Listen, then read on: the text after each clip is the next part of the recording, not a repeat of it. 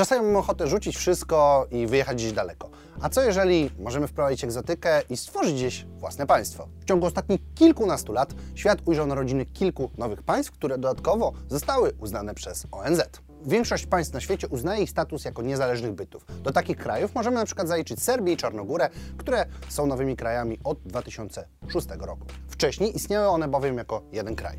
Podobna historia ma się na przykład z Czechosłowacją, które były rozpoznawane jako jeden kraj e, aż do 1993 roku, kiedy dopiero się oddzieliły. No i tutaj mamy dla Was jeszcze taką jedną zmianę, bo zawsze mówicie, że wykonuję tysiące kroków, więc dzisiaj e, spróbujemy zrobić odcinek, w którym będę stał w jednym miejscu i nie wykonywał dwóch tysięcy kroków. Wracając jednak do 1993 roku, jest to też rok, w którym powstała Erytrea, wydzielona z części Etiopii. Rok później powstało też Palau, które powstało na jednej z wysp Pacyfiku. Wszystkie te państwa zostały uznane jako legalne, ich roszczenia do ziemi również e, i prowadzą one swoją własną niezależną politykę międzynarodową oraz swoją politykę wewnętrzną. Nie wszystkie jednak państwa mają tak jasną historię jak wcześniej wspomniane. I tutaj mogą pojawić się pierwsze problemy przy założeniu własnego państwa. Lecz skupmy się na dużych państwach, które z jakiegoś powodu nie są uznawane na arenie międzynarodowej, bądź istnieją roszczenia co do ich zasadności e, i istnienia. Przykładem takiego państwa może być Kosowo, które jest uznane na arenie międzynarodowej oraz przez ONZ, jednakże Serbia uznaje ten kraj jako część swojego terytorium i oczywiście rodzi to napięcia na arenie międzynarodowej. Innym, już bardziej drastycznym przykładem będzie Palestyna, która jest uznawana e, przez wiele krajów jako odrębny byt państwowy, jednakże nie jest uznawana przez Izrael jako oddzielne państwo. Podobna rzecz ma się na przykład z Tajwanem oraz Chinami. Niemniej jednak wszystkie te konflikty podyktowane są burzliwą historią, konfliktami, które co do zasady nie są e, tematyką tego dzisiejszego odcinka. Jednakże tematem dzisiejszego odcinka jest założenie państwa samemu. I o tym się, na tym się dzisiaj skupimy. I powiem tutaj o dwóch przykładach, konkretnie o Sealandii oraz o Liberlandzie. Jako dwóch najbardziej, hm, nazwijmy to, rozpoznawalnych przykładach, e, chociaż pewnie podobnych prób było w historii więcej. Państwo to zostało założone w 1967 roku przez Roya Batesa. Jego wymiary są ogromne i imponujące, bo są to dokładnie 40 na 140 metrów, e, jeżeli chodzi o samą wielkość, bo leży one na platformie przeciwlotniczej, która znajduje się u wybrzeży Wielkiej Brytanii. Powodem powstania owego kraju była chęć nadawania audycji radiowych niezależnie od koncesji i zgód państwa.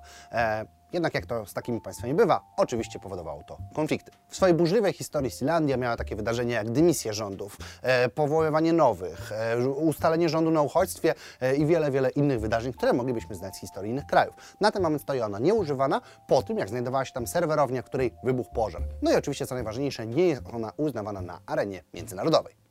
Idąc do kolejnego przykładu, wcześniej wspomnianego, czyli Liberland.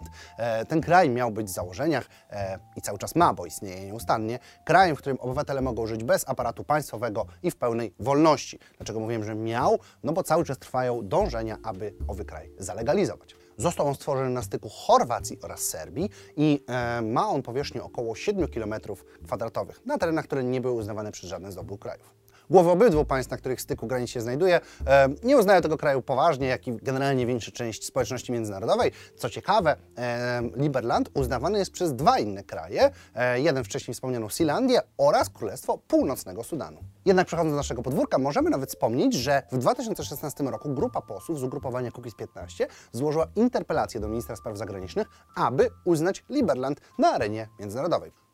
Można powiedzieć, że próby więc były. Ale spróbujmy przeprowadzić pewien eksperyment i postawić się w głowie jako głowa takiego właśnie nowo powstałego kraju. Więc gdzie moglibyśmy go utworzyć? Czy to może w jakichś górach, tak jak było w przypadku Liberlandu, może na jakiejś wyspie, a może właśnie na naszym podwórku. No i tutaj pojawiają się pierwsze problemy, bo też do ziemi musimy mieć pełne prawo. I o ile nie chcemy rozpoczynać inwazji lub wchodzić w jakiekolwiek inne spory terytorialne, musimy mieć uregulowaną kwestię własnościową. Przypadku, gdybyśmy wzięli nasze podwórko, no to de facto wchodzimy w konflikt z naszym obecnym krajem. I ten może użyć e, aparatu siły, aby zdusić nasz niepodległościowy opór. Lecz istnieje duża szansa, że zostaniemy uznani raczej za bardzo ekscentrycznego człowieka, e, który po prostu ma problemy z własnym ego. Do tego utarło się, że jeżeli tworzymy kraj na terenie już istniejącego kraju, powinniśmy mieć ku temu jakieś istotne powody. Najczęstszym takim powodem są kwestie etniczne lub narodowe. Jeżeli na przykład chcielibyśmy powoływać się na to, że nasz kraj miał już wcześniej jakąś formę niepodległości lub jest on odrębny od istniejącego kraju, jest to jakaś metoda, abyśmy zostali uznani na arenie międzynarodowej. Jednakże czy istnieją w takim razie miejsca, w których moglibyśmy taki nasz kraj założyć? No więc poza wyspami Pacyfiku większość terytoriów raczej byłoby uznawana za terytoria sporne, a nawet gdybyśmy chcieli e, ulokować nasz kraj na którejś z wysp Pacyfiku, to tamtejsze siły również mogłyby uznać nas za jakiś sposób zagrożenie w rejonie. Więc jeśli chcielibyśmy w pełni legalnie założyć nasz kraj, musielibyśmy udać się na jakiś odległy archipelag i znaleźć wyspę, do której żaden kraj nie rości sobie roszczeń. Albo wytężyć wzrok i odnaleźć jakiś kawałek lądu, tak jak zrobił to Liberland, na przykład na środku rzeki. Bądź też musielibyśmy udać się na przykład na pustynię yy, i znaleźć kilka wydm, do których również nikt nie miałby problemu, że chcielibyśmy sobie je zabrać. Jeśli już mamy załatwioną sprawę lądu, należy utworzyć jakoś swoją reprezentację, czyli na przykład rząd. Nie ma tutaj zwykle formalnego wymogu co do tego, jaki ustrój powinniśmy mieć, jednakże uznawane jest, że powinniśmy e, respektować i uznawać prawa człowieka. Do tego musimy móc zapewnić naszym obywatelom e, środki do życia e, oraz podstawy, takie jakie znajdujemy w każdym państwie. Potem pozostaje nam już tylko ostatni krok, czyli uznanie na arenie międzynarodowej jako niezależny i niepodległy byt. I tutaj nie ma jakby jednej metody, co musimy zrobić. Być może powinniśmy stać się jakąś ekonomiczną potęgą przez produkcję jakiegoś unikatowego dobra. A być może po prostu będziemy mieli wyjątkowo dobre y, kontakty z naszymi sąsiadami albo po prostu z możnymi tego świata, którzy zdecydują się uznać nasz kraj jako niepodległy. Możemy również spróbować stworzyć więź kulturową, tak aby kraje sąsiednie uznały nas za pokojowo koegzystujące i chciały e, dobra naszego interesu i również uznały nas albo pomogły nam w uznaniu na arenie międzynarodowej.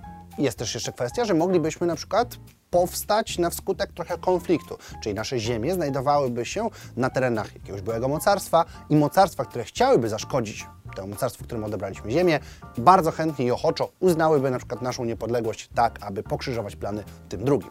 Kiedy uda nam się już to wszystko stworzyć, zdobędziemy odpowiednie znajomości, musimy już tylko dołączyć do ONZ, Organizacji Narodów Zjednoczonych. I tutaj sprawa jest bardzo prosta, bo wystarczy tylko i wyłącznie list do sekretarza generalnego ONZ. I to w zasadzie tyle. No i tutaj pozostaje nam już tylko kwestia głosowania. Głosują wszystkie państwa członkowskie, a żebyśmy zostali e, wciągnięci w grono państw, e, które znajdują się w ONZ, musimy zdobyć 2 trzecie głosów w głosowaniu.